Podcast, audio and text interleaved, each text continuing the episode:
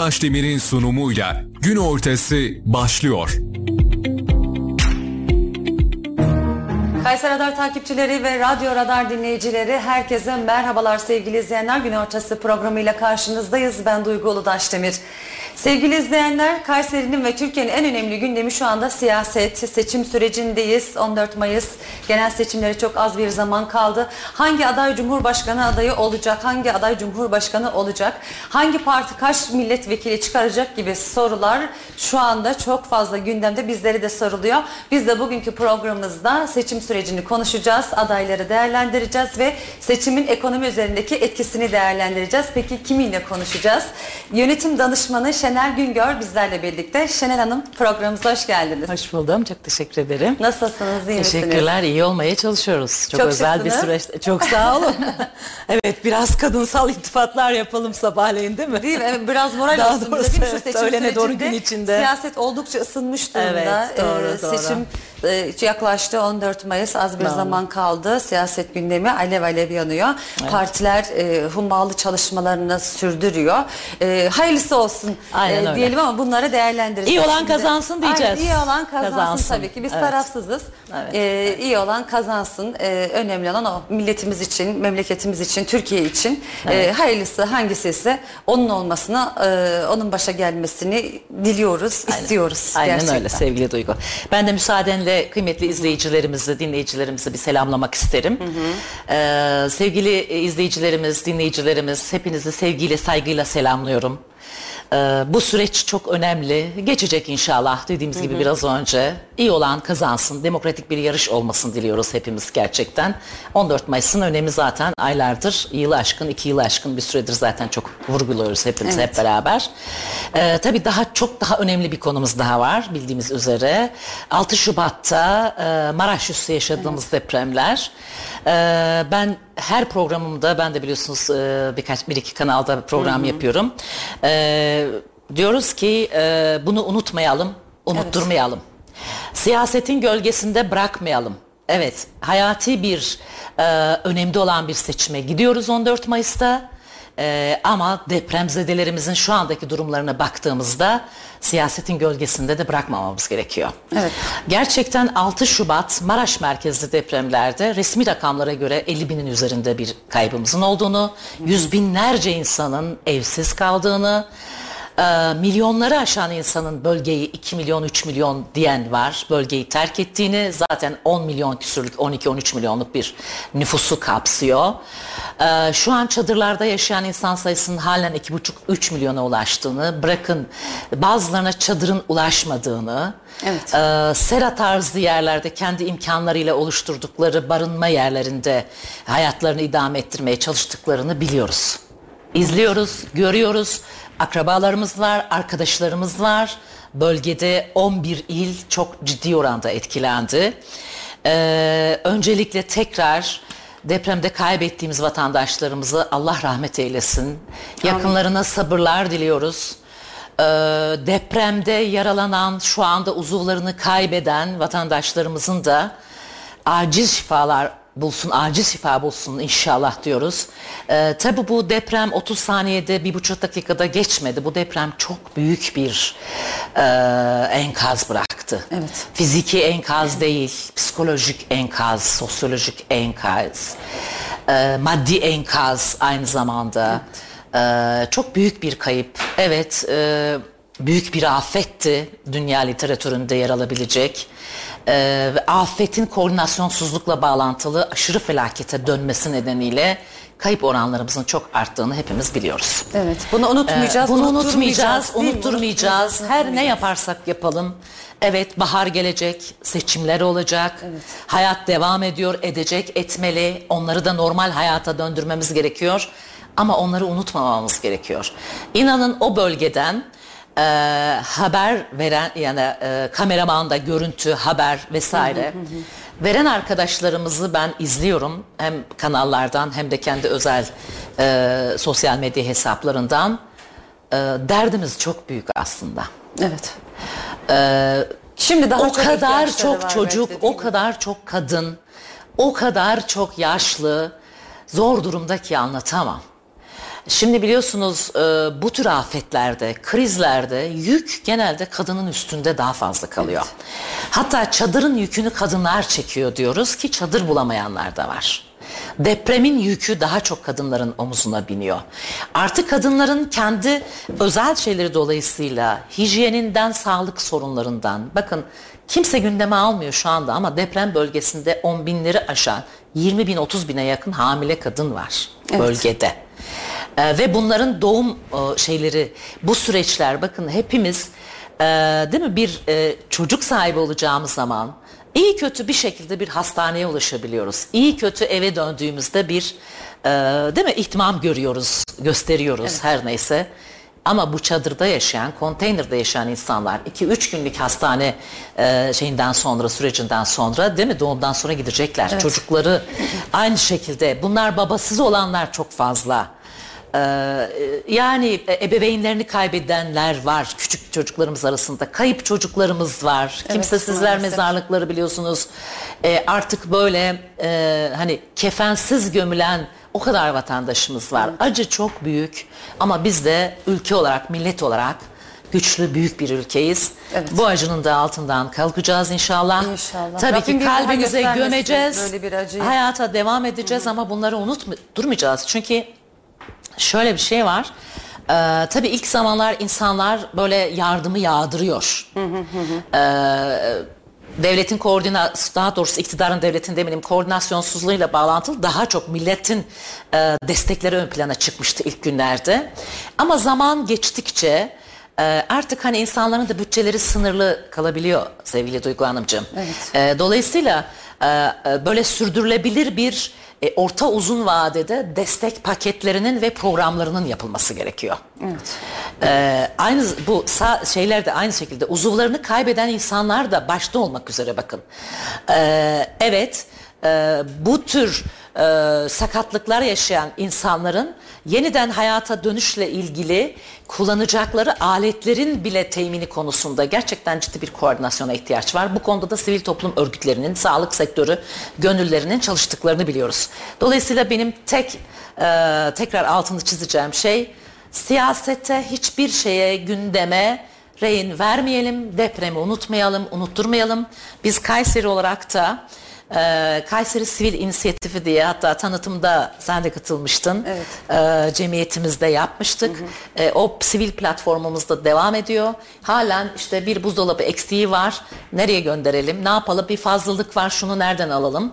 Orada da şöyle bir strateji izlendi.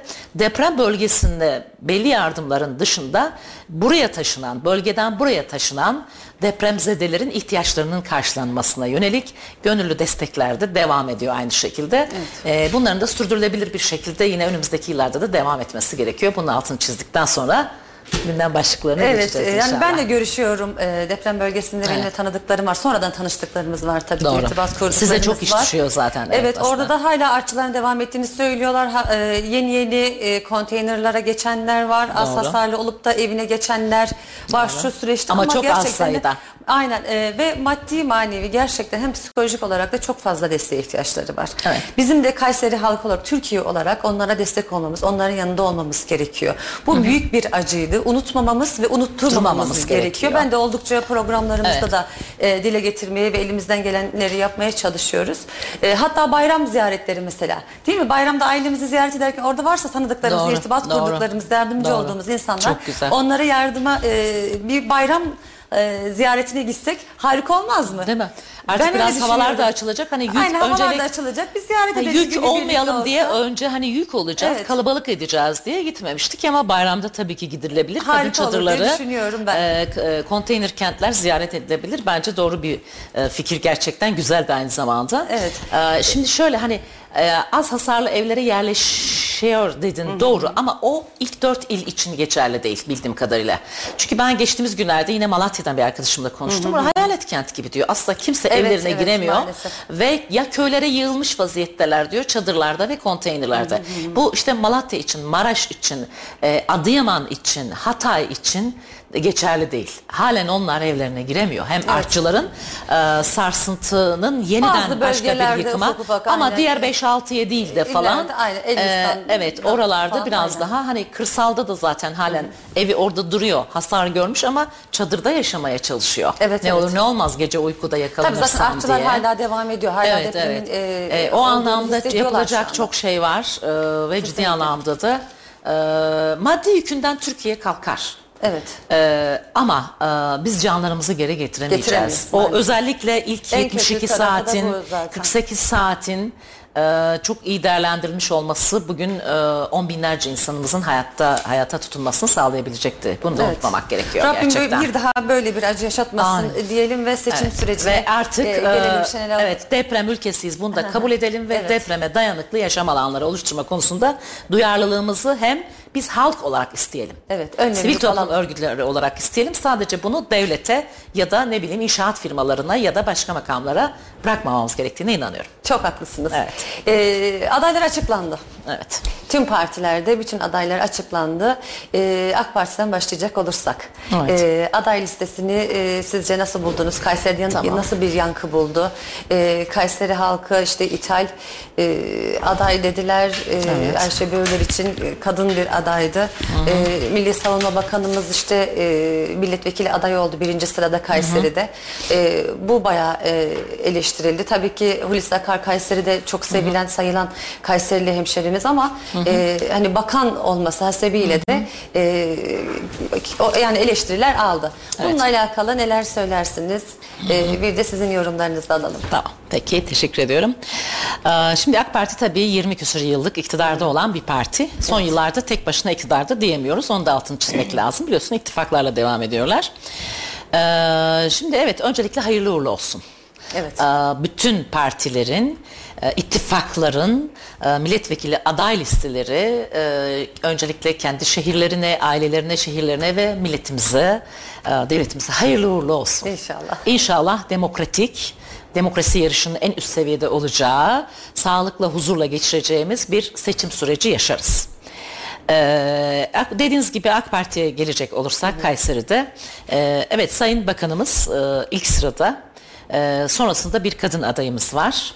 E, ve devam ediyor il başkanımızla. E, şimdi tabii Sayın Bakan devlet gücüyle gelmiş oluyor. Biliyorsunuz daha önceki seçimlerde bu yeni süreçte e, yeni siste- seçim sisteminde diyelim daha doğrusu bazı bakanların istifa etmesi şeyi kaldırıldı artık. İstifa etmiyor. Lakin bununla ilgili de bir tartışma var biliyorsunuz. Bakanların da aynı zamanda işte anayasanın yanlış hatırlamıyorsam 76 mıydı maddesine göre onların da istifa etmesi milletvekili adayı olacaklarsa gibi yine e, hukukçular e, ikiye ayrılmış vaziyette. Bir kısmı istifa etmesine gerek yok diyor. Bir kısmı da ne fark eder? İşte atama yapılmış bir vali gibi, bir işte e, kaymakam gibi ya da bir seçilmiş e, yerelde bilmem ne de bir e, şey gibi, e, siyasetçi gibi. Biz de mesela yönetim kurullarından istifa ediyoruz. Biliyorsunuz valiler de istifa ediyor. Onlar geri dönüyor gerçi görevlerine se- daha sonraki süreçte. Böyle bir tartışma var. Ee, ama isterseniz ne tartışırsanız tartışın hukukun üstünlüğüyle ilgili ciddi yıpranmalar olduğu için maalesef onlar gündeme pek gelemiyor. Zaten Sayın Cumhurbaşkanımızın da aday olamayacağıyla ilgili ciddi tartışmalar oldu biliyorsunuz. Evet. Ee, hukukçular aa, Kayreksiyeriyet olamayacağı idi 3. dönem itibariyle. iki dönem bitmişti e, deniyordu. Ben de onlara katılıyordum işin açıkçası. E, lakin YSK'ya da bu konuda itirazlar yapıldı muhalefet partileri tarafından. E, ama YSK katılabileceğiyle ilgili karar verdi ve YSK kararları da çok iyi biliyoruz ki bir üst mercinin denetimine tabi değil, itirazına tabi değil. Yani Anayasa Mahkemesi'ne tabi değil YSK kararları. E, şimdi tekrar konumuza dönecek olursak e, evet bakan gücüyle devlet gücüyle geliyor bir. Hayırlı uğurlu olsun. Kayserili hemşehrimiz, e, komutanımız. E, aynı zamanda tabii ki böyle bir güç e, bir de biliyorsunuz hani eril bir e, yönetim tarzımız olduğu için erkek egemen bir yönetim tarzı olduğu için komutana selam durma çok önemlidir biliyorsunuz. Muhtemelen selam durulacaktır daha çok. E, adı en fazla anılan e, bakanlardan biriydi zaten Kayseri'de. Ee, sonuç itibariyle e, birinci sırada evet. İkinci Yani sırada iletişim İtalya sorunu olabilir Hulusi e, Akar'la Sayın Paşa'mızda mesela bir e, iletişim sorunu olabilir.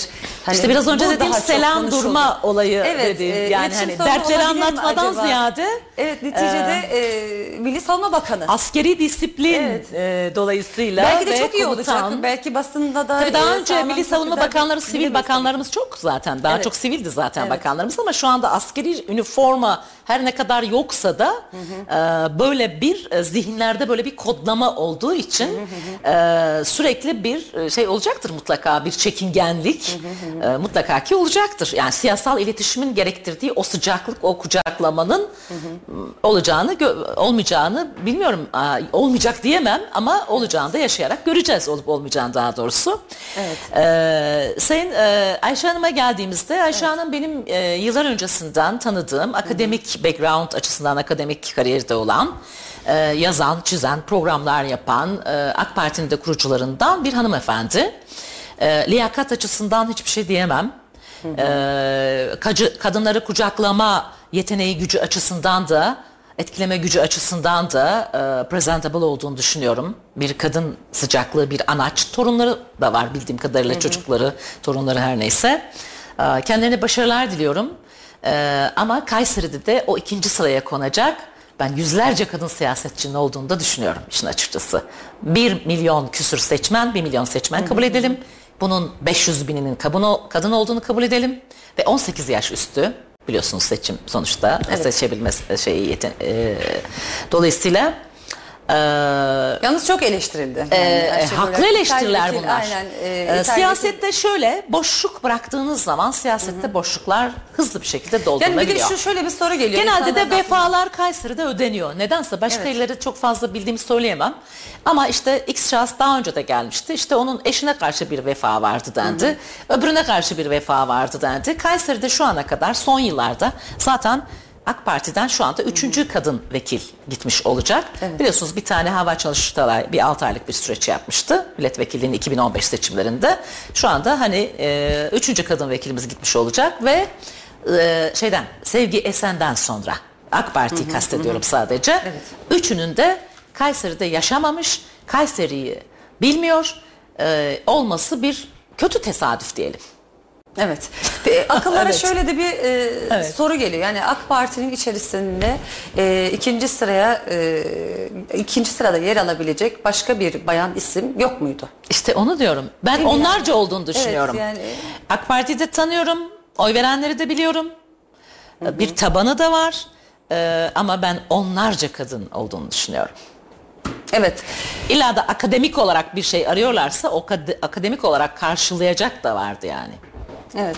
Üçüncü sıraya gelecek olursak. Bence yanlış. e, Bu Kayseri'nin hakikaten e, bu o vekil konusunda, kadın vekil konusunda e, ciddi bir sorunu var. Önemli sorunlardan biridir. Evet. E, ama şöyle de bir yenilik de oldu. Eski isimlerin hiçbiri yer almadı. Yüzde yüz bir değişiklik yani var Kayseri halkı bundan bir korku içerisindeydi açıkçası değil Evet, mi? doğru, Yani acaba doğru. eski vekiller O- o konuda tebrik ediyorum. Artık yenileri gelsin, yeni yüzler gelsin. Tebrik Tabii ediyorum AK Parti'yi. Evet, gerçekten o anlamda da aslında Kayseri Hepsine içinde- teşekkür ediyoruz verdikleri Kesinlikle, hizmetler için. Sayın Ee, Bakanlarımız başta tabii, olmak tabii üzere. ki. Bu arada da Sayın e, eski Enerji Bakanımız Taner Yıldız Beyefendi'ye de geçmiş olsun dileklerimizi Aynen, acil iletiyoruz. şifalar acil diliyoruz şifalar buradan. diliyoruz. Evet.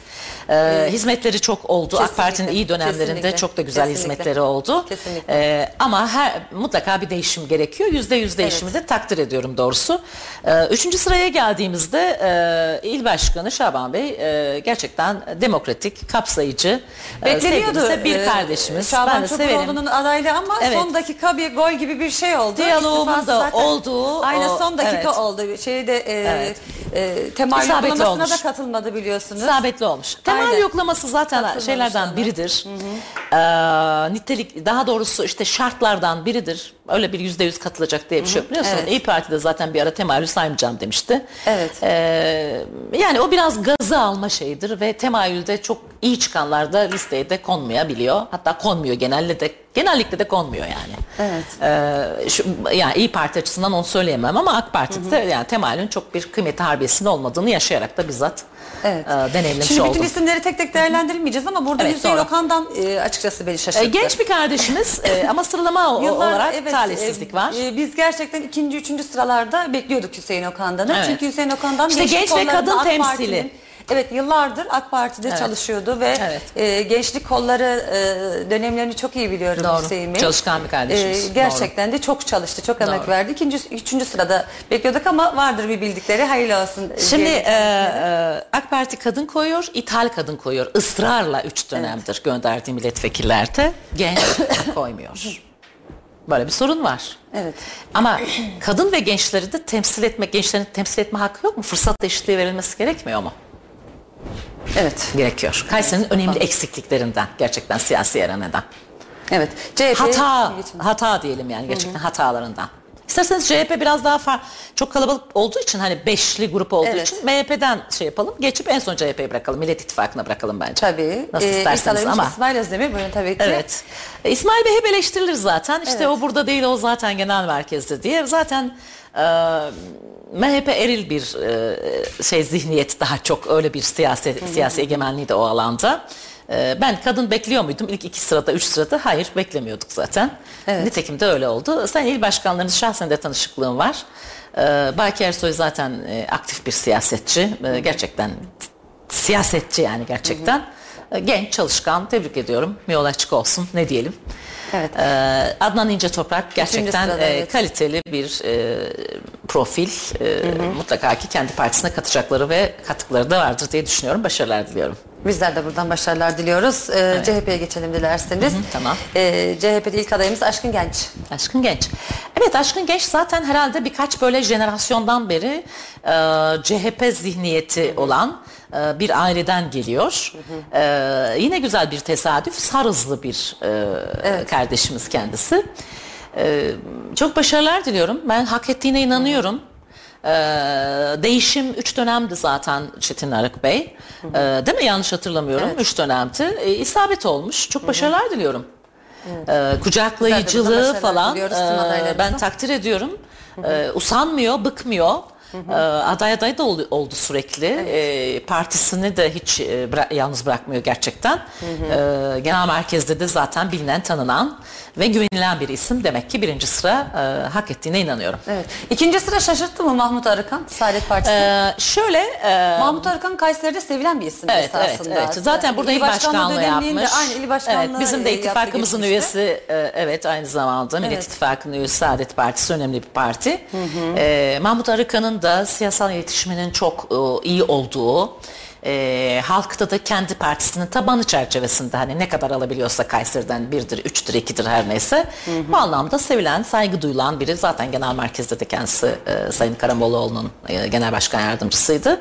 E, iyi bir siyasi, genç bir siyasi profil, iyi bir siyasi profil. Başarılar diliyoruz. Başarılar diliyoruz, evet. Ee, Burhan Özsoy, Deva Partisi. Evet. Neler? Ee, Burhan Bey Deva Partisi e, Beşiktaş ilçe başkanımız. E, kendileri de genç jenerasyondan. E, eğitimli, aklı başında, e, enerjik, e, babasının Kayseri'deki işi dolayısıyla Kayserili zaten babası biliyorsunuz. Kendisi de Kayserili aynı zamanda. Kızıklı galiba. E, eski e, ANAP eski milletvekili e, Seyit Halil Özsoy'un oğlu. E, dinamik, e, gençlere önem veren bir parti, Deva Partisi biliyorsunuz. E, aklı başında bir genç. E, ben e, fark yaratacağını ve başarılı olacağını düşünüyorum. Yolu çok açık olsun.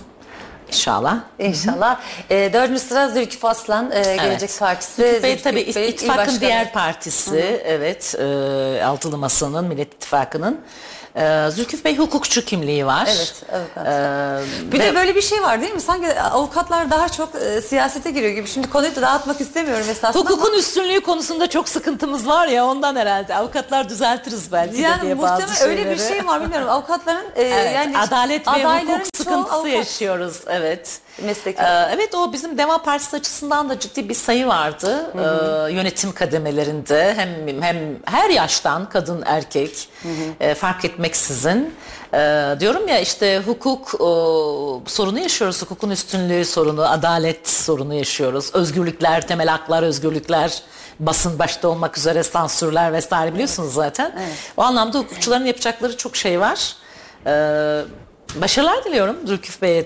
Evet biz de Aynen başarılar öyle. diliyoruz. Ümit Özdemiş 5. sırada Ee, CHP İl Başkanı evet, biliyorsunuz. e, şimdi biraz kadın e, şeyine gelelim burada tekrar e, Millet İttifakı'nda. E, Ümit Hanım Kayseri'nin e, ilk kadın il başkanıydı zaten partilerde. İlk değil mi? Değil mi? CHP'de ilk Evet, diye hatırlıyorum. evet, CHP'de ilk. E, çok da seçimler de geçirdi. Çok da emek verdi. Evet. E, yeri orası mıydı? Oranın da tartışılması Tartışılır gerekiyor ki, bence. evet. Ee, emek veren insanları da değerlendirmek lazım ama şöyle e, siyasette tek yer mille- e, hizmet etme yeri milletvekili değildir. Yerel seçimler var önümüzde. Partinin yönetimi var genel merkezde. Sadece şey değil hani iktidar e, ortağı şey değil. Aynı zamanda parti yönetimleri var. Ee, ben Ümit Hanım'ın da emekleri karşılığında mutlaka ki e, bir değerlendirme e, olacağını düşünüyorum işin açıkçası. Olması gerektiğini düşünüyorum daha doğrusu. E, Çünkü zaten parmakla sayılacak kadar az kadın sayımız var. Evet. E, yeri tartışılabilir ama dediğimiz gibi bu seçim çok özel bir seçim olduğu için e, Millet İttifakı partilerinin e, adaylarına yer verilmesi e, önceliği de gündeme geldiği için e, ama yeri orası mıydı orası tartışılır. Evet. Evet. Ee, şimdi Şelen Hanım adayların hepsini tek tek değerlendiremeyeceğiz. Değerlendirme, Programlarda bir zaten yok herhalde, aynı evet. konuşacak e, çok şeyler var. Ama zaten onlar çok 3 konumuz saatlik var. programlarda değerlendiriyorlar Aynen. hepsini tek tek. Evet diğer e, Bizim öyle bir şansımız yok herhalde değil mi? Bir Aynen. saatlik bir program Ee, galiba. Evet, e, çokça zaten konuşuluyor diğer programlarda da biz de tekrar tekrar insanları hem de sıkmayalım. doğru. E, en çok konuşulan konulardan bir tanesi de şu. Yani bana da soruyorlar. E, hangi parti kaç milletvekili çıkarır? Kaçta kaç olur Duygu İyi Hanım? konuşmadık. E, aa evet, Evet, e, iyi iyi, konuşalım. iyi konuşmadık. E, İyi Parti. Millet İttifakı Konuşup biz öyle geçmeden- diyoruz ya, hani Aynen. beşi bir arada onu evet, İyi konuşalım, Parti'yi evet. de konuşalım. Dursun Ataş birinci sırada. E, Beklediğiniz Evet sıralamaydı beklediğimiz bir isim zaten. zaten. Dursun İkincisi Ataş biraz Pınarbaşı'nda sürpriz da oldu. belediye başkanlığı yaptı ve e, Tabii. Kayseri'de gerçekten ciddi Benim bir ilçem aynı karşılığı zamanda var. Pınarbaşı. Ama ciddi bir karşılığı var Dursun Ataş'ın Tabii ki, Kayseri'de. tabii ki. Çünkü e, Dursun Ataş'ın şöyle bir e, yanı olduğunu düşünüyorum ben. Halkla iç içe. Doğru. Değil mi? Halkla Doğru, iç içe doğru. ve insanları sırtını Doğru.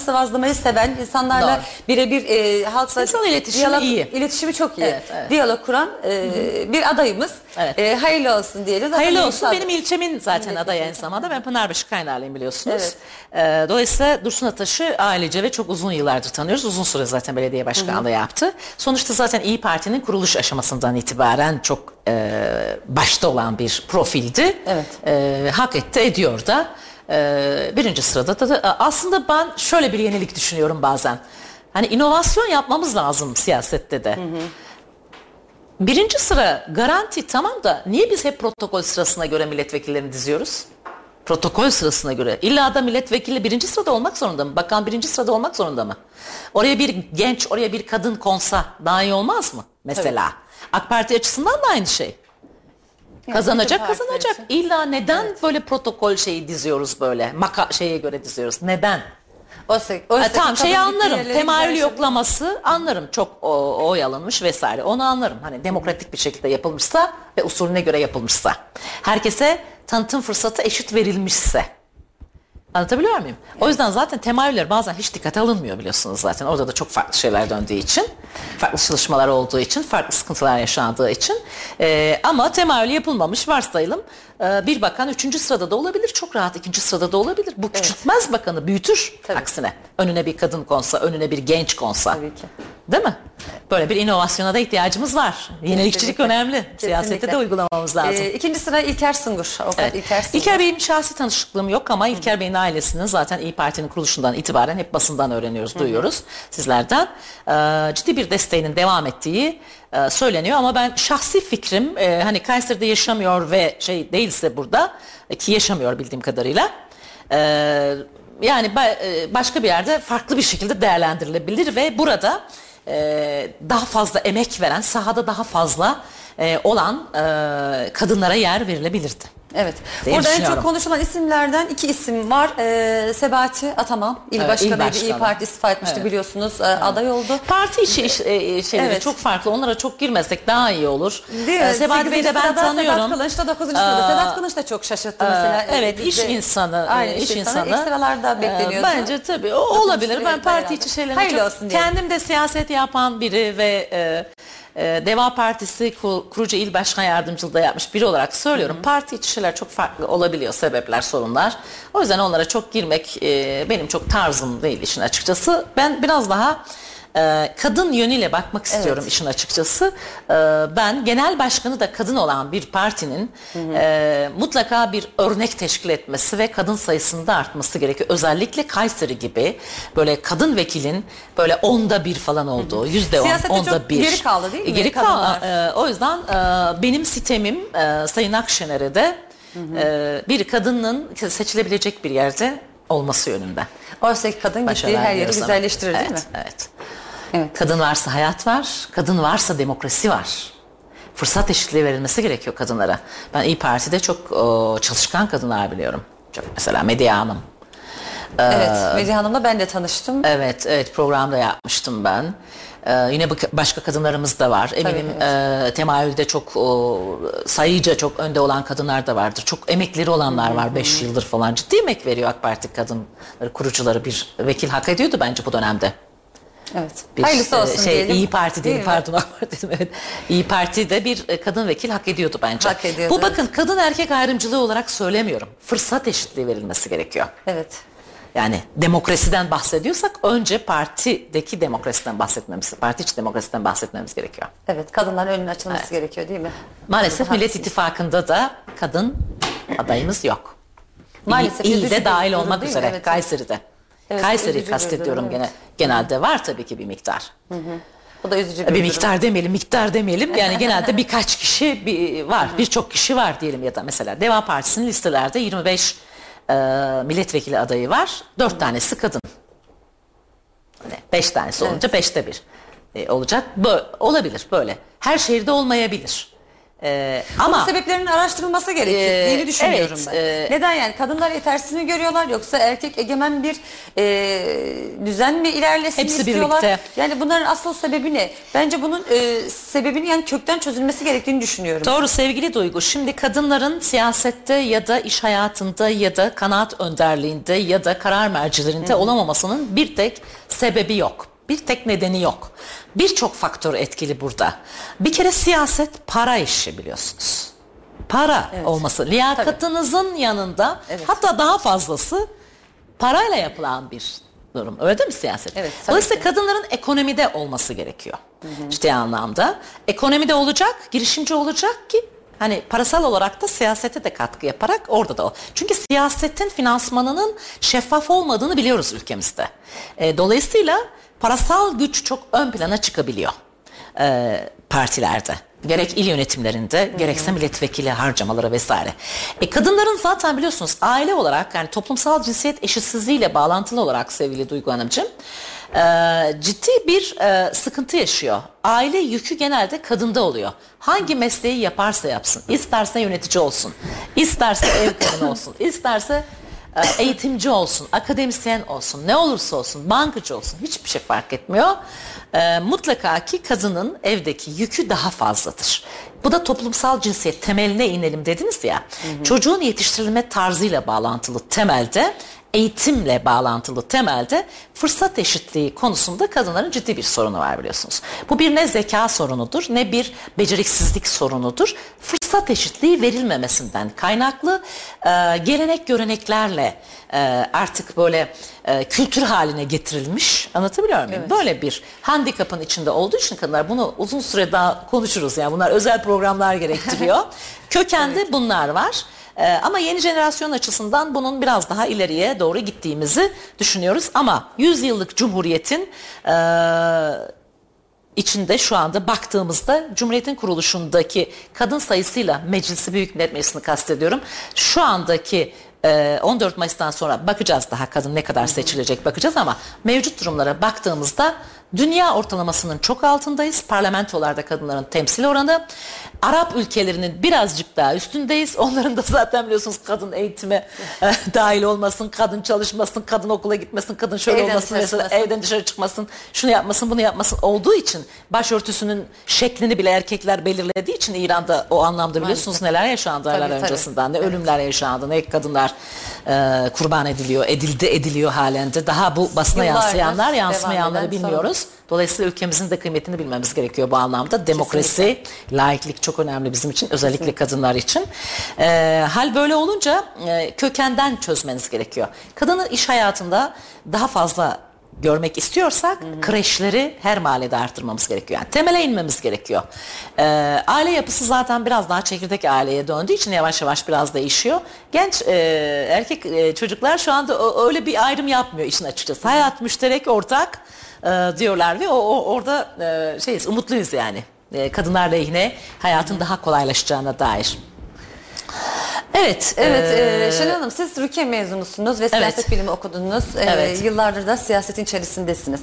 Kayseri'deki siyaseti e, konuşacak olursak e, hangi parti kaç milletvekili adayı çıkardı? Bu günlerdir bizlere soruluyor. Evet. E, nereye gitsek, kiminle konuşsak, bir oturmaya gitsek, bir akraba Evet. ziyaretlerinde bile sürekli siyaset konuşuyor. Seçim ne olacak? E, işte AK Parti bu kadar çıkartır, MHP bu kadar çıkartır, CHP İYİ Parti bu kadar çıkartır gibi rakamlar öngörülüyor. Evet. Sizin öngörünüz nedir? Tabii ben Millet İttifakı altılı masaydı önce savunuculuğu yapan ve o partilerden birinin neferi olarak e, Deva Partisi'nin e, işin açıkçası Millet İttifakı'nın kazanması e, gerekiyor ve benim gönlümden geçen o tabii ki. Ben Millet İttifakı'ndan 5 tane 6 tane gitsin isterim CHP'den. Gerçekleri Lakin konuşmak gerçekleri gerekiyor. de konuşmamız gerçekleri gerekiyor. konuşalım. Ee, e, evet ben AK Parti'ye dörtten fazla şans e, vermiyorum şu mevcut durumda. Ama siyasete bugün herhalde 33 gün var. 33 Bugünü gün, saydığımızda 33 gün var. Ee, siyasette 24 saatin çok uzun olduğu rahmetli Demirel tarafından bize armağan edildi siyasi arenaya biliyorsunuz. Ee, artık ben 24 saat bile değil bazen 24 dakikaların uzun olduğunu düşünüyorum. Yani listelerin yollarda değiştiğini biliyoruz yani hem milletvekili tabii. listelerin diğer listelerin vesaire falan. Ee, o anlamda e, hani bu seçim sürecinde nasıl bir performans gösterilir? Ee, Millet İttifakı tarafından e, bir buçuk yılı aşkın bir birlikteliğin e, çok güzel çıktıları oldu. Ee, bir kere e, 2022 Şubat'ta e, parlamenter sisteme geçiş mutabakat metni, daha sonra anayasa değişiklik paketi taslağı 80 küsur maddelik, e, sonrasında da e, ortak politikalar mutabakat e, metni 2300 maddelik yayınlandı. Ee, ve o zaten seçim beyannamesi niteliğinde aynı zamanda. E, ne yapılacak, sorun nedir, sorunun çözümü nedir, çözümün kaynağı nedir, nasıl, ne zaman çözülecek, kimlerle çözülecek, nasıl çözülecek sorularına cevap veren son derece kıymetli çalışmalar yapıldı. Akabinde zaten Cumhurbaşkanı adayı belirlendi ve sonrasında da milletvekili listeleri de YSK'ya 9 Nisan itibariyle teslim edildi. Süreç gayet iyi bir şekilde, normal bir şekilde gidiyor. Tabii depremin verdiği büyük bir üzüntü ve travma nedeniyle de büyük e, böyle gümbür gümbür seçim e, şeyleri olmayacak. Konvoyları vesaire olmayacak. Ama bir şekilde de depremin de yaralarını sarmamız için siyasi güçlü bir siyasi iktidarın gelmesi gerekiyor. Türkiye'de bir değişimin olması gerekiyor. Zira depremin de 100 milyar doların üzerinde ekonomiye bir etkisi var. O, Evet. o da çok önemli bir rakam. Ee, dolayısıyla bizim hakikaten çok doğru düşünerek e, geleceğe yönelik e, hareket ederek çocuklarımızın, e, gençlerimizin e, geleceğinin ipotek altından çıkarılması yani hani gençlerin terk terk etmek istediği bir ülke konumundan çıkarılması gereken bir seçim sürecine giriyoruz şu anda. Evet. Ee, bizim eğitimli e, gençlerimiz biliyorsunuz yani doktorlarımız, mühendislerimiz başta olmak üzere e, burada 40 yıl çalışsa bir ev sahibi olamayacağı için 20-30 yıl çalışsa anca bir asgari ücretli bir araba sahibi olamayacağı için açlık sınırının altında kalan bir rakam 8500'de. Dolayısıyla herkes başımı kurtarayım derdinde olduğu için önemli bir süreç. Ee, dolayısıyla e, burada düşünerek verildiğinde insanlar yani duygusal, ideolojik vesaire farklı sahiplerle değil gerçekten biz nasıl bir ülkede yaşamak istiyoruz? Çocuklarımıza, torunlarımıza nasıl bir ülke bırakmak istiyoruz? Zengin, demokratik, refah içinde gelir adaletinin olduğu, hukukun üstünlüğünün olduğu, layık, gelişmiş bir ülke mi bırakmak istiyoruz? Bunu düşünerek oy vermek gerektiği için eminim aklı selim davranacağını düşünüyorum. Feraset sahibi biz bir millete sahibiz. O anlamda baktığımda mevcut iktidar partisinin birinci e, ittifak üyesinin diyelim çünkü onlarda da birkaç ittifak var biliyorsunuz. Birkaç parti var ittifakta. AK Parti'nin Kayseri'de dört tane maksimumda çıkarabileceğini, dört çıkarabileceğini. E, tabii Millet İttifakı'ndaki performansa bağlı olarak e, İyi Parti ve e, CHP kontenjanından girdiğimiz Deva Partisi, Gelecek Partisi, Saadet Partisi, 5 partinin bir arada e, sayılarının hani hangi tarafın nasıl olacağı İyi Parti biliyorsunuz e, şeye dahil değil şu anda. Farklı kendi logosuyla girdiği için. E, iki, o, üç olabilir. E, Dolayısıyla Cumhuriyet şey e, e, Cumhuriyet Halk Partisi çatısı altındaki partilerde 3 olabilir, 4 olabilir iyi çalışılırsa. Bakın çok sürprizler yaşadığımız seçimler geçirdik 33 biz. gün e, az bir 33 zaman gün kaldı az diyoruz bir ama zaman değil. diyoruz ama az bir Ee, zaman da bakın, değil yani. e, e, dolayısıyla ben böyle var. düşünüyorum. MHP'nin de Çok şey yapılabilir. e, bir Baki Bey'in belki performansı çok iyi olur. iki olabilir mi? Onu bilmiyorum doğrusu. E, ama AK Parti'nin son zaman yıllardaki yanlışlarına aşırı derecede katkı verdiği için ciddi bir tepki olduğunu da biliyorum tabanında da. Onun zaten bir kısmının e, İyi Parti'ye kaydığını biliyoruz zaten. İyi Parti'den çıkan Evet, son dönemlerde çok fazla eleştiri MHP'den aldı çıkan bir MHP. parti olduğu için İyi Parti. E, bu şeyle baktığımızda ben e, a, işte 6 vekilin e, e, daha doğrusu e, ben ikisinin toplamının 5 olacağını düşünüyorum Cumhur İttifakı'nın. en fazla.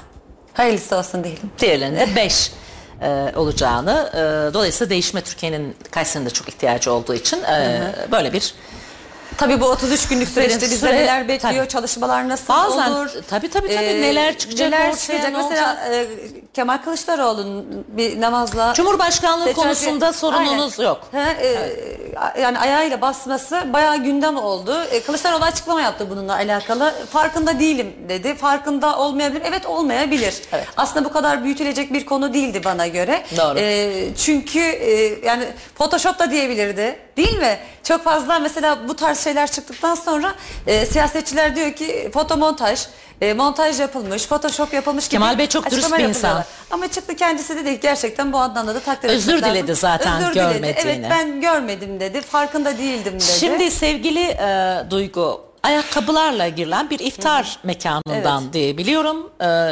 namaza durmuş birileri ve seccade, Seccade, kullanılmış ama ayakkabıyla girilen bir yer belli ki insanlar öyle girdiğine Evet. göre unutulmuş seccadenin kaldırılması.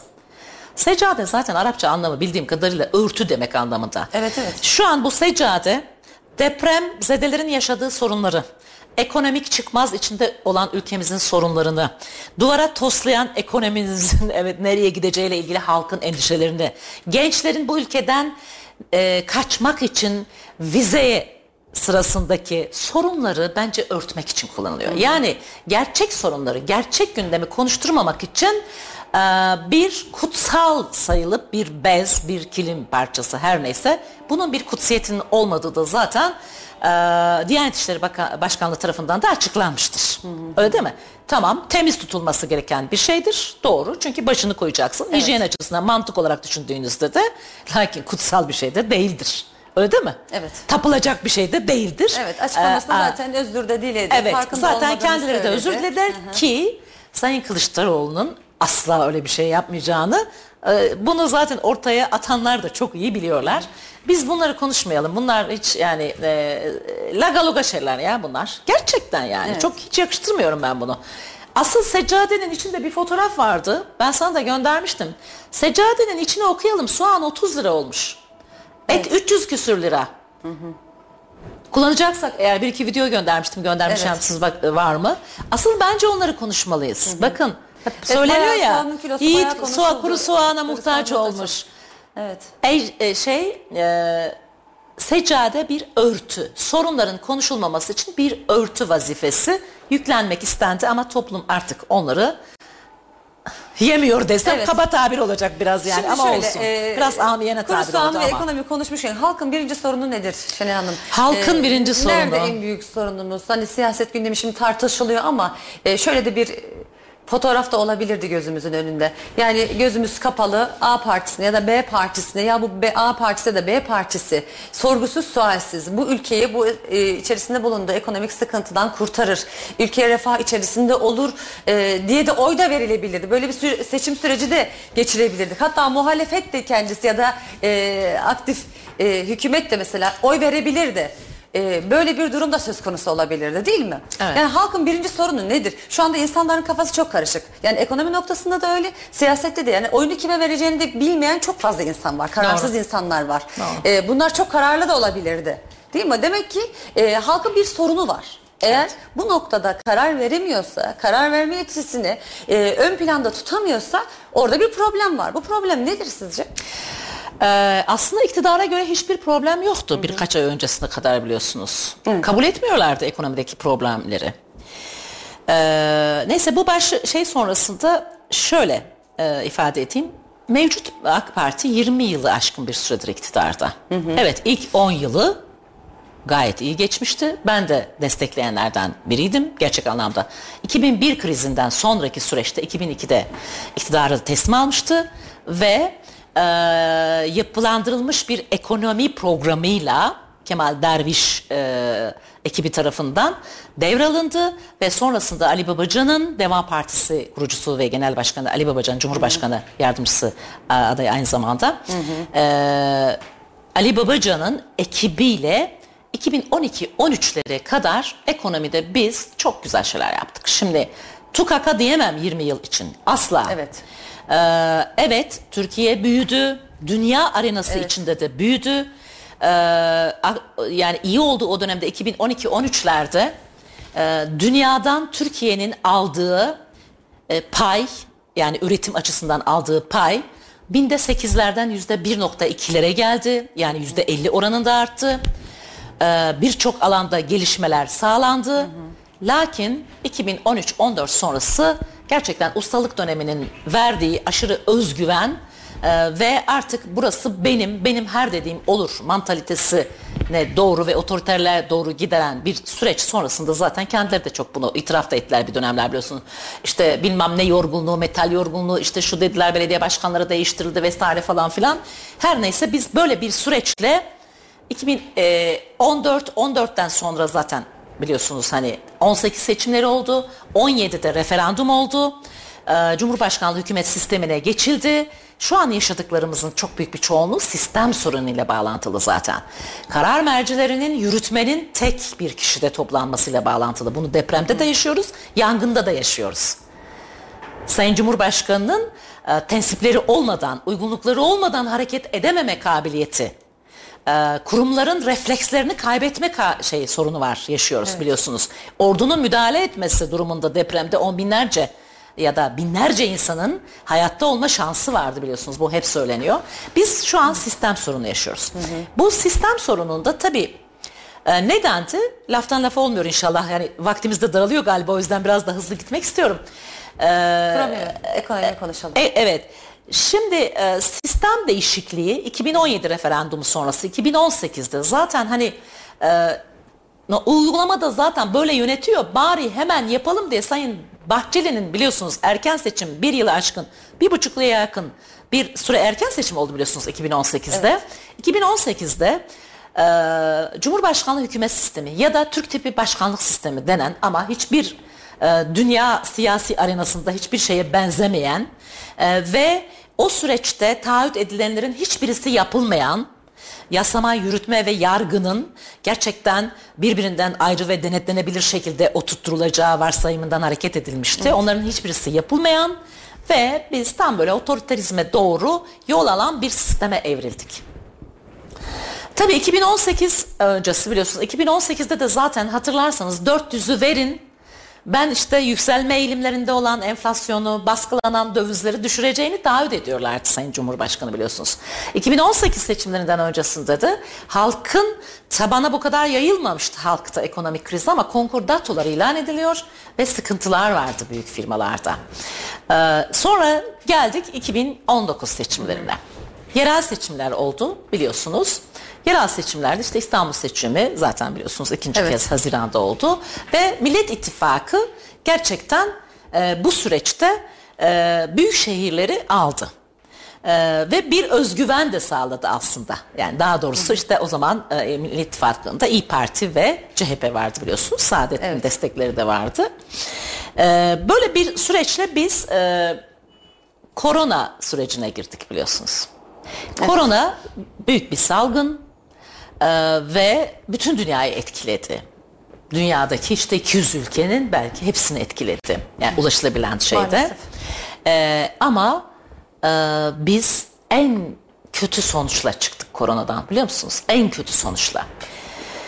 Oysa ki e, biliyorsunuz işte Almanya'da raflar boş, yok Amerika'da şeyler böyle, işte Çin'de şöyle durumlar var diye bize başka ülkelerin videoları gösteriliyordu hatırlarsanız. Ve bizim bu son 3 yılda hem tabii ki koronanın e, tedarik zincirlerinin kopmasıyla bağlantılı ekonominin sıkıntıya girmesinde bir miktar etkisi var. Bu bizden kaynaklı değil. Dünya dış e, etki olarak saydığımızda. Ama şu anda yaşadıklarımızın e, sebebi korona değil. Korona örtüsü de kullanılmak istendi çok. İşte koronadan dolayı tedarik zincirleri koptuğu için dendi. Evet bir süre o tür sıkıntılar yaşandı. Hatta gıdanın, tarımın, kendine yeten tarımda kendine yeten bir ülke olmanın önemi bir kez daha anlaşıldı. Öyle değil mi? Ee, Türkiye'nin aslında üretim üssü olabileceği farkındalığı daha da çok yerleşmeye başladı. Ee, şey kapılar kapanınca ülkelerin biliyorsun. Bazı fırsatlar da çıkmıştı ama biz hiçbirini değerlendirebildik mi? Değerlendirebiliyor muyuz? Hayır. Mevcut iktidarla hayır. Evet sorun, ana sorun ekonomik. İlk. Deprem çok büyük bir sorun. Evet o hani deprem öncesinde depremin getirdiği yük de 100 milyar dolar aşan bir yük var biliyorsun. İktidarın da o civarda bir rakam açıkladığını biliyorum. 104 milyar dolar gibi Evet. galiba. En büyük sorun ekonomik ve alım gücünün aşırı derecede düşmesi. Biz Türkiye olarak eski bir bankacı olarak çok rahat ifade edebilirim ki e, faiz, döviz ve enflasyon kıskacı üçlüsü, şeytan üçgeni dediğimiz bu kıskacın içinde kaldık ülke olarak. Yeniden 20 yıl öncesine, 2001'lere, yeniden 80'lere, yeniden 90'lara döndük. Bakın sevgili Duygu, Erzurum Türkiye'nin e, hayvan üretim merkezi öyle değil mi? Hayvancılığın önemli merkezlerinden ve kar kışta 10 lira 20 lira daha düşük et alacağım diye insanlar kuyrukta. Ekmek kuyrukları öyle değil mi? Evet. Ee, 1 lira ya da 50 kuruş ya da 25 kuruş e, daha düşük alacağım diye. Ama haklı 5 ekmek alıyorsa haklı. Bakın Türkiye büyüyor deniyor. Şunu yaptık bunu yaptık şu kadar büyüdük deniyor. Evet İnşaatta bir numaraydık. Beton ekonomisi falan deniyordu. Ama yaptığımız inşaatlar çoğu çöktü biliyorsunuz. Evet. Hatta iktidarın şöyle bir açıklaması vardı. Yap, çöken binalar hep eski binalar. Hayır öyle değil. Yok, Çok yeni, de- binalar yeni var. binalar da var, 99 sonrası Eskiler yapılanlar var. ama yeni binalar da var Yönetmelik tabii ki yönetmelik ama onların da güçlendirilmesi. Biz deprem ülkesiyiz. Depreme dayanıklı bir yaşam alanı oluşturma görevi var devletin. Ee, dolayısıyla ekonomi bizim birinci derecede sorunumuz. Ee, alım gücü çok zayıf. İsterseniz asgari ücreti 15 bin yapın, isterseniz 35 bin yapın. 35 bin 15 bin yaptığınızda soğanı 250 liraya alacaksınız. Bir şey değişmeyecek. Çünkü 2800 TL iken asgari ücret ne alabiliyordunuz? Durumunuz neydi? Şimdi 8500 olduğunda ne ne durumdayız? Değişiyor mu bir şey? Emekli maaşları 7500 oldu asgarisi en düşüğü 5500'den. O da biliyorsunuz temeldeki maaş artmadı. Temmuz'da orada düzelme olmayacak çok fazla. Ee, ama değişen bir şey olacak mı? Olmayacak. Neden? Çünkü Türk İş'in e, e, şey ya- yayınladığı açlık sınırı da 9500 4 kişilik aile sadece gıda masrafı. 9500 asgari ücretin üstünde biliyor musun? Sadece gıda. Bunun içinde eğitim yok. Ee, barınma yok, kira yok, başka hiçbir şey yok. Asgari ücret 8500 4 kişi asgari ücretle geçinse bile yoksulluk sınırı olan e, 32 bin TL'ye anca varıyor. Düşünebiliyor musunuz? Yani Kaşar çalışanlar ve dilerim. emekliler yoksul. Kaşar peynirinin kilosu da e, bir kilo etten fazlaymış. Ee, bir dönem öyle. Onun da şöyle bir sebebi vardı. Bayağı Şu an ses getirdi bu da. Evet, Bayağı ses getirdi. Şöyle- Yani nerede görüldü peynirin kilosunun etten daha fazla olduğu bir dönem Şimdi şöyle bir şey, e, süt e, ve yem paritesi vardır. Yem fiyatlarının aşırı artması nedeniyle e, süt üreticileri e, e, sütten zarar ettikleri için e, hayvanlarını kesime göndermişlerdi. O zaman bu sefer süt ürünleri fiyatı çok yükseldi. Orayı biraz düzelttiler, et yükseldi. Hı hı. Şimdi siz temeldeki e, sorunu halletmezseniz palyatif çözümlerle, aspirin pansuman çözümlerle sorun halledemezsiniz. Kökenine inmeniz gerekiyor. Biz ithalat bağımlısı bir ülkeyiz. Sanayimizin çok büyük bir çoğunluğu ithalata bağımlı biliyorsunuz. Artı biz mazotu ithal ediyoruz. İlacı evet. ithal ediyoruz. Tarım ilaçlarını ithal ediyoruz. İthalat bağımlısı olduğumuz için dolayısıyla iktidarın ortaya koymuş olduğu ekonomi politikası var diye bir tane daha doğrusu teorisi var ya faiz sebep onun için faizi düşüreceğim enflasyonu faiz yaratıyor demişti. Faiz düştü mü? Hayır. Faiz düştü evet bir tane gösterge faizimiz var. Merkez Bankası'nın haftalık repo faizi olarak adlandırıldığı yüzde sekiz buçuk. Bir gösterge faizidir. Hiçbir kıymet harbiyesi kalmadı. Sadece bankalar düşük faizle fonlanıyor ve 2022 karları çok yüksekti bankaların. Ama sen yüzde sekiz buçukla kredi kullanabiliyor musun? Şu an ticari kredilere ve şeyde 30-40'lar konuşuluyor faizde. Enflasyon açıklandı yüzde elli buçuk bir yıllık. Mart ayı enflasyonu geçtiğimiz günlerde TÜİK'in açıkladığı en yakınki yüzde 112 zaten İTO'nunki İstanbul Ticaret Odası'nınki de 70 küsürlerde falan. Ee, peki enflasyon bakın yatırımınız varsa bir bankaya para yatırdığınızda faiz dediğimiz şey ya da kar payı dediğimiz şey sizi enflasyona karşı koruyandır. Evet. Enflasyon yüzde elli ama verdiğin faiz yüzde kırksa zaten o yatırımı orada tutmaz. Onun için KKM dediğimiz kur korumalı mevduat getirip öyle bir 70'lerin uygulaması olan 50 küsür yıllık bir e, uygulama getirip dövizin yükselmesini bastırmak istemişlerdi biliyorsunuz 2021 Aralık ayında. E, şu anda da kur korumalı mevduatın hazineye, Türk büt, şeye, Türkiye e, bütçesine diyelim e, maliyeti 200 milyar TL'yi geçti. Evet. Yani bizim bir ekonomi bakanımız var. E, evlere şenlik, gözümün içine bakın, e, yatacağız, kalkacağız, her şey çok güzel olacak. Epistemolojik kopuş, heterodoks e, politikalara dönüş gibi böyle halkın hiçbir şey anlamadığı, ilgilenmediği bir ekonomi şey içindeyiz, buhran içindeyiz için açıkçası. Ve çözüm olarak da e, Cumhur İttifakı Sayın Cumhurbaşkanımız Sayın Mehmet Şimşek'le görüşüyoruz, düzeltecek diyor ekonomiyi. Öyle mi Duygu sence?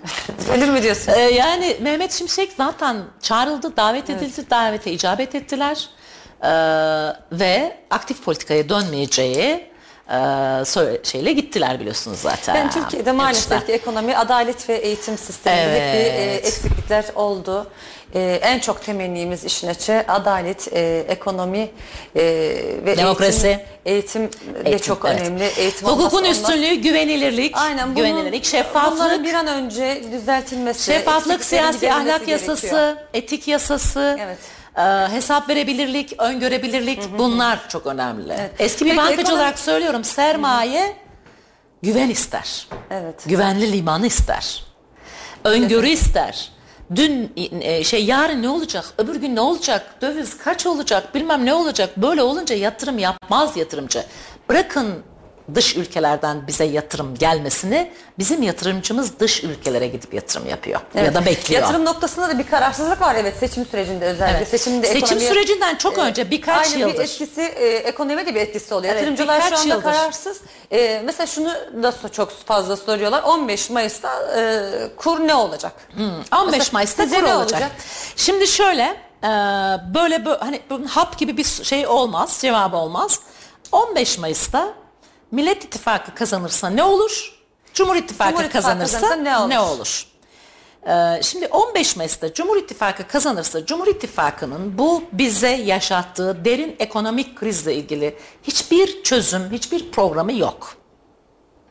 Sadece Mehmet Şimşek gelecek. Mehmet Şimşek'in e, e, şey e, koordine ettiği e, bir ekiple ekonomi düzeltilecek dendi. Ama Mehmet Şimşek biliyorsunuz e, küresel sermayenin adamıdır diye azledilerek yerine Berat Albayrak getirilmişti. Sayın Berat e, Albayrak'ın biliyorsunuz meşhur ekonomi programları vardır. Eylem planları. Hep açıklar diye şurası çok önemli, burası çok önemli. Şöyle yapacağız, böyle yapacağız. Hatta ne demek ya dolar 10 lira olacakmış falan filan söylemleri var biliyorsunuz. evet. Artık tiyatral tiye alınan söylemler. Evet. Sonra ne yaptı Berat Albayrak? Sayın eski bakan. Sonumuzu Allah hayır eylesin. At yok karıştı gitti Berat- ve yok Sayın şu anda. Berat Albayrak Sonra biliyorsunuz zaten hani biraz toparlanılmak istendi vesaire falan filan. Ama bakın bizdeki asıl sorunlardan bir tanesi devletin bağımsız olması gereken kurumların çökertilmiş ve emir kulu haline getirmiş olması talimata göre hareket ediyor olması ki zaten Sayın Cumhurbaşkanı bunu açıklıyorlar. Laf dinlemede aldık diyor Merkez Bankası Başkanı da. Merkez Bankası bağımsız bir kurumdur. Özel bir yasası vardır. Başkanları onun ölüm veya hastalık veya kendi isteği dışında alınamaz e, ataması. Biliyorsunuz o konularda Millet İttifakı'nın çok özel çalışmaları var. E, yeniden bu e, bağımsız olması gereken kurumların başkanlarının atanması ve alınmama alınmasının zorlaştırılması konusunda. Merkez Bankası şu anda biliyor musunuz? Ha, önce şunu söyleyeyim. Dövize çok ihtiyacımız var Türkiye olarak. Ve kapalı çarşıda artık bütün basında yer aldı biliyorsunuz. Böyle demir şeylerle dolar toplanıyor. Ya çok çok üzülüyorum ben. Yani hicap verici ya. Türkiye Cumhuriyeti Devleti böyle olamaz. 5 milyar TL işte rakam da veriliyor. Bilmem günlük olarak götürülüp 250-60 milyon TL dö- döviz getiriliyor ve rezervler biraz e, şey yapmaya, idare edilmeye çalışılıyor. Bakın biz Türkiye Cumhuriyeti Devleti olarak faiz düşüreceğiz dedik. Dünyanın e, Türkiye Cumhuriyeti tarihinin en yüksek faizini 2023 bütçesine koyduk biliyor musunuz? Tüm zamanların en yüksek faiz ödeme rakamı 2023 bütçesinde o da yetmeyecek. Faizler çok yüksek. Türkiye Cumhuriyeti dünyanın en en yüksek dövizle %9.6 ve 10 %10 dolayında dövizde %10 dolayında uluslararası arasından borçlanıyor. 2,5 milyar dolar tahvil ihraç edildi geçen. Faiz oranı 9.7 9.6 galiba ve 7 yıl vadeli. Tüm zamanların en yüksek faizine. Faiz lobilerine çalışıyor AK Parti şu anda. Hani diyor ya faiz lobileri bizi dizayn ediyor, ekonomimizi çökertecekler. Faiz lobilerine çalışıyor. Katar'a gidiliyor 3 milyar 5 milyar dolar. Birleşik Arap Emirlikleri'ne gidiliyor hakeza öyle. Suudi Arabistan bize mevduat getiriyor 5 milyar dolar. Ya da bilmem ne Rusya hakeza öyle. İşte bu o, o, şey Mersin'deki e, santral dolayısıyla işte e, hisseler vesaire bir sürü bir şeyler konuşuyor. Net olmadığı için onları ben konuşmak istemem. Dedikodu mahiyetini de asla e, dile getirmek istemem. E, onların hepsi hani şeffaf olmadığı için bakın bir yatırımcıyı şeffaflık ikna eder. Hukuk ikna eder. Sadece demokrasi de değildir biliyor musunuz? Yatırımcıların gittiği, yatırım yaptıkları yerlerin hepsi demokrasinin çok iyi olduğu yer değil. Çin öyle değil. Ama bir hukuk sistemi var. Anlatabiliyor muyum? Bir e, hukukun üstünlüğü, güvencesi var. Onun için e, bütün dünya Çin'de işçilik ucuz diye biliyorsunuz oraya yatırım yapıp üretim yaptırıyor. Hal böyle olunca sizin öncelikle güvenilir olmanız gerekiyor. Öyle değil mi? Hukukun üstünlüğünün güvenilir olması gerekiyor. Mesela geçtiğimiz günlerde gündemdeydi şu anda çok siyasi gündem öne çıktığı için biraz unutuldu. Ee, bu İran e, şey İran diyorum. Irak petrolünün e, Türkiye üzerinden işte uluslararası arenaya Rıza Zarrablar muhabbetler var biliyorsunuz daha biliyorsunuz. Onların üzerinden pazarlanmaya çalışılmasıyla ilgili Türkiye tahkimden ceza yedi biliyorsunuz. Faizle birlikte 3 milyar dolar. Evet, Anlatabiliyor maalesef. muyum? Ee, yani hani uluslararası arenada bir şey yaparken e, bir boşluk bulunmuş orası değerlendirilmek istenmiş ama bu Türkiye Cumhuriyeti'nin yapması gereken bir durum değil. Evet. Ee, Yani e, sorun ekonomi. E, e, alım gücü sorunu. E, depremin yaralarını çok hızlı sarmamız gerekiyor şu anda. Onu asla unutmamamız ve unutturmamamız gerekiyor. Millet olarak sadece devlet olarak, hükümet olarak Kesinlikle. da değil. E, onun dışında zaten sığınmacı sorunu var biliyorsun.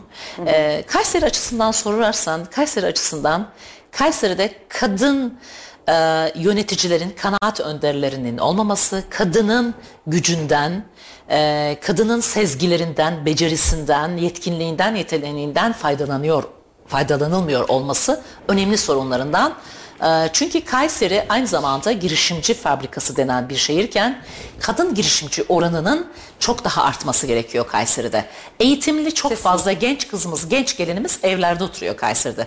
Biz kadın girişimci kurulunu kurmuştuk sevgili Şafak Çevici ve birkaç arkadaşımızla Kayseri'de 2008'lerde, e, 2007'lerde Kayseri'de ticaret odasında kadın masası kurmuştuk biz Şafak'ın önderliğinde. Ee, dolayısıyla önemli bir sorun.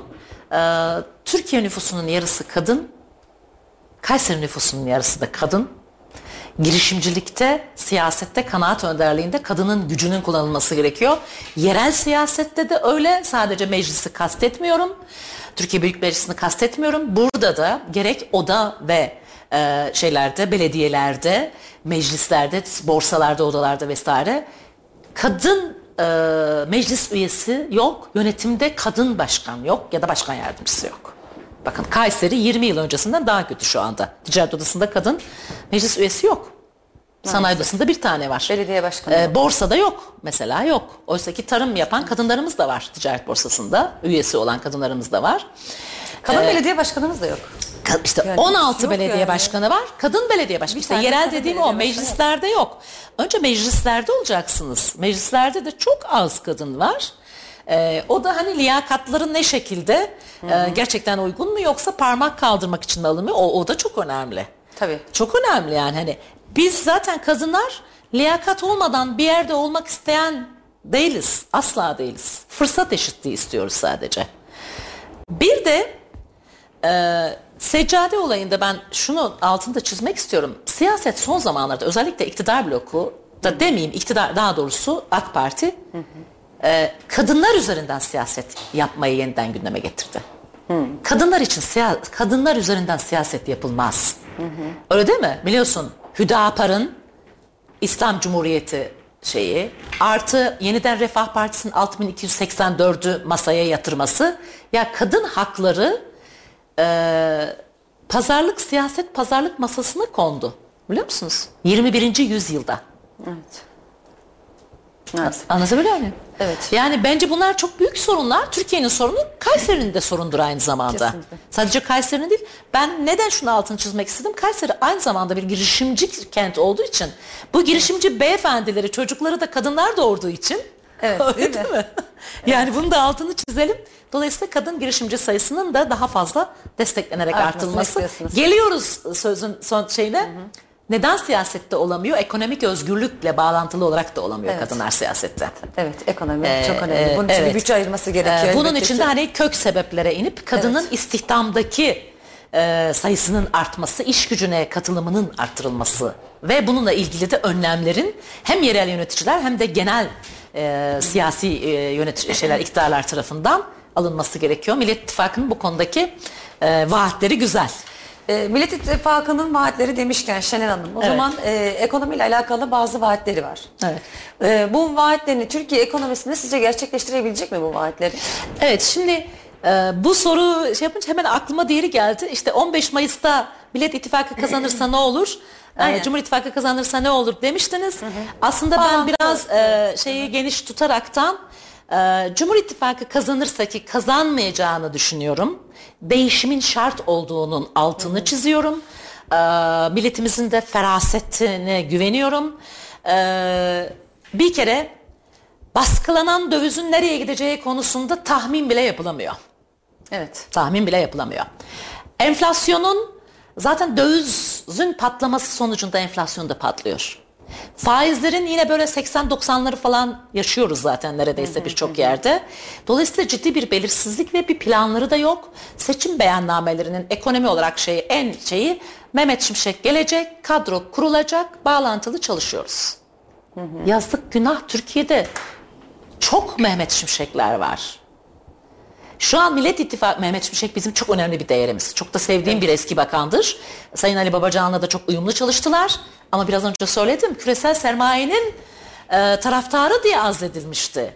Şimdi ısrarla bari adını kullanalım deniyor galiba. Hiç kimse kusura bakmasın lütfen ama böyle bir süreç var. Millet İttifakı'nda şu an ekonomik kurmayları son derece güçlü. İyi Parti'de, Deva Partisi'nde, Gelecek Parti'de, Saadet Partisi'nde, CHP'de hepsinde 3-4 tane bakanlar kurulu ekonomiden sorumlu bakan çıkaracak kadar, bakan bakanlar kurulu çıkaracak kadar çok önemli kurmaylar var. Sadece liderler değil, önemli kurmaylar var. Dolayısıyla benim sadece şuna cevap vermem biraz zor olabilir. Biliyorsunuz Millet İttifakı 15 e, Mayıs'ta e, ertesi gün e, mazbatayı almıyor.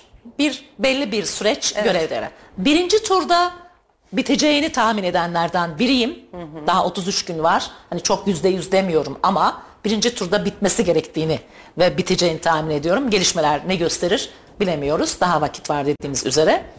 Dolayısıyla Millet İttifakı mazbataları alıncaya kadar hani bu bastırılan piyasalar ne olacak ne bitecek e, oralarda bir hengame yaşanabilir mi?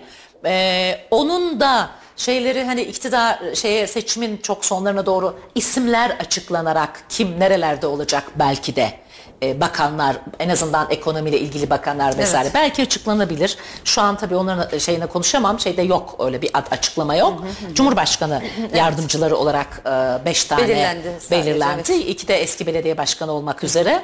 E, böyle bir süreç olacak. Onun dışında zaten Sayın Babacan'ın çok önemli bir şey var. İlk 90 dakikada yapacaklarımız hemen halledeceklerimiz diye bir el işaretiyle. Hı hı. Evet yargının bağımsız kalmasıyla ilgili çok önemli hukukun üstünlüğünde önemli şeylerden, handikaplardan biri biliyorsunuz. Re, sorun ekonomi ama reçete genelde e, hukuk adalet üzerine oluyor biliyor musunuz? Evet. Özgürlükler üzerine oluyor.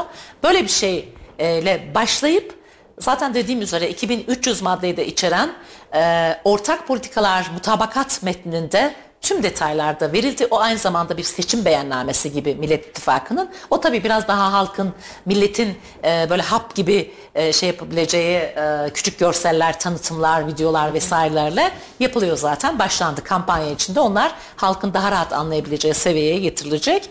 E, sonrasında zaten bir ay içinde bir, bir buçuk ay içinde şöyle bir şey olacağını tahmin ediyorum. Kendim de yöneticilik yapmış biri olarak yıllarca bir yere geçtiğimde ne yaparım? O yerin önce bir ne oldu ne bitti bir bakarım değil mi? Hı. Bir bilançolarına bakarım, bilmem nelerine bakarım. Çünkü şu an şeffaf ve hesap verebilir bir yönetim olmadığı için sevgili Duygu Hanımcığım e, bu ciddi bir sorun yaşıyoruz. Bilmiyoruz neler olduğunu tam olarak diyor ekonomi kurmaylarımız ve ekonomistler, akademisyenlerde. Evet. Ne oluyor? Bilançolarda ne var? Hazinede gerçekten ne var? Şefa arka kapı operasyonlarıyla yapıldığı için bütün işlemler, hazine işlemleri, para, para piyasalarıyla işleyen e, işlemler, para piyasalarıyla ilgili işlemler bir şeffaflık yok. Ee, dolayısıyla hani neyin ne olduğunu bizim yani tahminler var e, ama bunların kesin rakamlarla ortaya konması gerekiyor. Bunun için bir, bir, bir buçuk ay zaten çalışacak. e, 4 hafta, üç hafta içinde bu netleşir. Yani mesela denir ki işte depremin maliyeti zaten şu anda çalışma yapılıyor. Depremin maliyeti 104 milyar dolar değil, 130 milyar dolar. İşte e, e, 128 milyar dolar hani deniyor ya e, evet. e, harcanan, çarçur edilen döviz bir 128 milyar dolar daha 256-260 milyar dolar deniyor. İşte giden şu. Mesela deniyor ki işte 218 milyar doları getireceğim diyor ya Sayın Cumhurbaşkanı adayımız Sayın Kılıçdaroğlu. E, bunlarla ilgili rakamlar netleşir. Çünkü şöyle bir şey vardır. Ben de devleti çalışmadım ama devletin işleyişinde birazcık olsun biliyorum. Siyaset bilim mezunuyum biliyorsun. Kamu yönetimi aynı zamanda. E, devlette bir şey kaybolmaz aslında. Ee, yani hep bir postit bile kaybolmaz derler ya genelde. Bir şekilde insanlar bir yere koyuyor onu. Kendini savunmak zorunda zaten bir şey olduğu zamanda. Evet. Ee, dolayısıyla bunların ortaya çıkarılması ve sonrasında zaten bir aylık, üç aylık falan eylem planları, programlarla böyle üçer aylık dönemlerle güven ve öngörülebilirlik getirildiği zaman yargı, yasama, yürütme bu dengelerde iyi kurulduğu zaman ilk 6 ay içinde çok önemli başarılar elde edileceğini, yatırımın da gelmeye başlayacağını, bu gelen yatırımın da sadece öyle swapla işte getir bana 5 milyar 10 milyar dolar e, şunu vereyim bunu vereyim yüksek faizlerle değil, orta uzun vadeli istihdam yaratacak e, evet. dış kaynak gelme olasılığı çok yüksek ve uluslararası arenada dış kaynakta var zaten. Ee, güvenilir bir iktidar olduktan sonra AK Parti'nin döneminde de gelmişti zaten biliyorsunuz. IMF'ye de ihtiyaç olmadan kendi potansiyelimizi de harekete geçirerek çok iyi plan programlarla, güvenilir kadrolarla, güvenilir devlet kurumlarıyla, güçlü devlet kurumlarıyla yapılandırdığımızda eminim ki Türkiye hak ettiği zenginliğe, refaha karşı şey ulaşacak. Adımları hızlıca atmaya başlayacak. Enflasyon dediğimiz canavar. TÜİK'in bütün çabalarına rağmen %50'nin aşağı indiremedi şu anda. Ama biz gerçek enflasyon ne yaşıyoruz Duygu? %100, 200, 150, 200'ler yaşamıyor muyuz? Geçen sene soğan kaç liraydı? 15 liraydı. Şimdi 30 lira mı oldu? Hayır. Evet, 30 lira. 30 lira da 15 lira mıydı? Hayır yüzde yüz bile değil. Yüzde 150, 200 şu anda enflasyon. Bakın ben yanında getirmeyi unuttum ama ortalama gıda fiyatlarındaki artışların hiçbirisi yüzde 150, 200'den aşağı değil. Evet, Sadece gıda noktasında çok fazla İnşa- artış inşaat malzemelerinde artışlar yüzde 300'ler, 400'ler falan sevgili Duygu. Dolayısıyla öyle enflasyon 50 falan değil.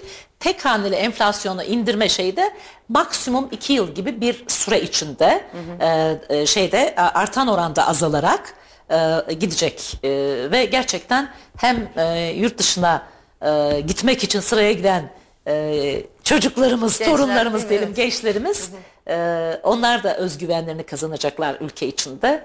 E, ben Türkiye için iyi olacak, bahar gelecek diye düşünüyorum. Bunu birlikte başaracağız inşallah. Şimdi şöyle 33 gün kaldı seçime. Az bir zaman kaldı. Bu süreçte Tamam. tabii ki e, çalışmalar çok önemli seçim sürecinde. Evet. E, işte ortaya iktidarın ve muhalefetin ne koyacağı çok önemli. Bu 33 gün dediğimiz gibi aslında esasına bakarsınız seçim için e, uzun bir süreç. E, yani programımızı toparlayacak olursak inşallah hayırlısı olur. E, memleketimiz için, ülkemiz için. E, ben tarafsızım. İşin açığı. Ben Tabii tarafsız bakıyorum olaya. o, Şöyle, aynen evet. ben tarafsız Tabii, bakıyorum tabii. olaya. Şöyle bakıyorum diyorum ki memleketimiz için, ülkemiz için hayırlısı hangisi ise e, o olsun istiyoruz. Doğru. Çünkü bu e, yaşanan sıkıntılar bir an önce atlatılsın istiyoruz.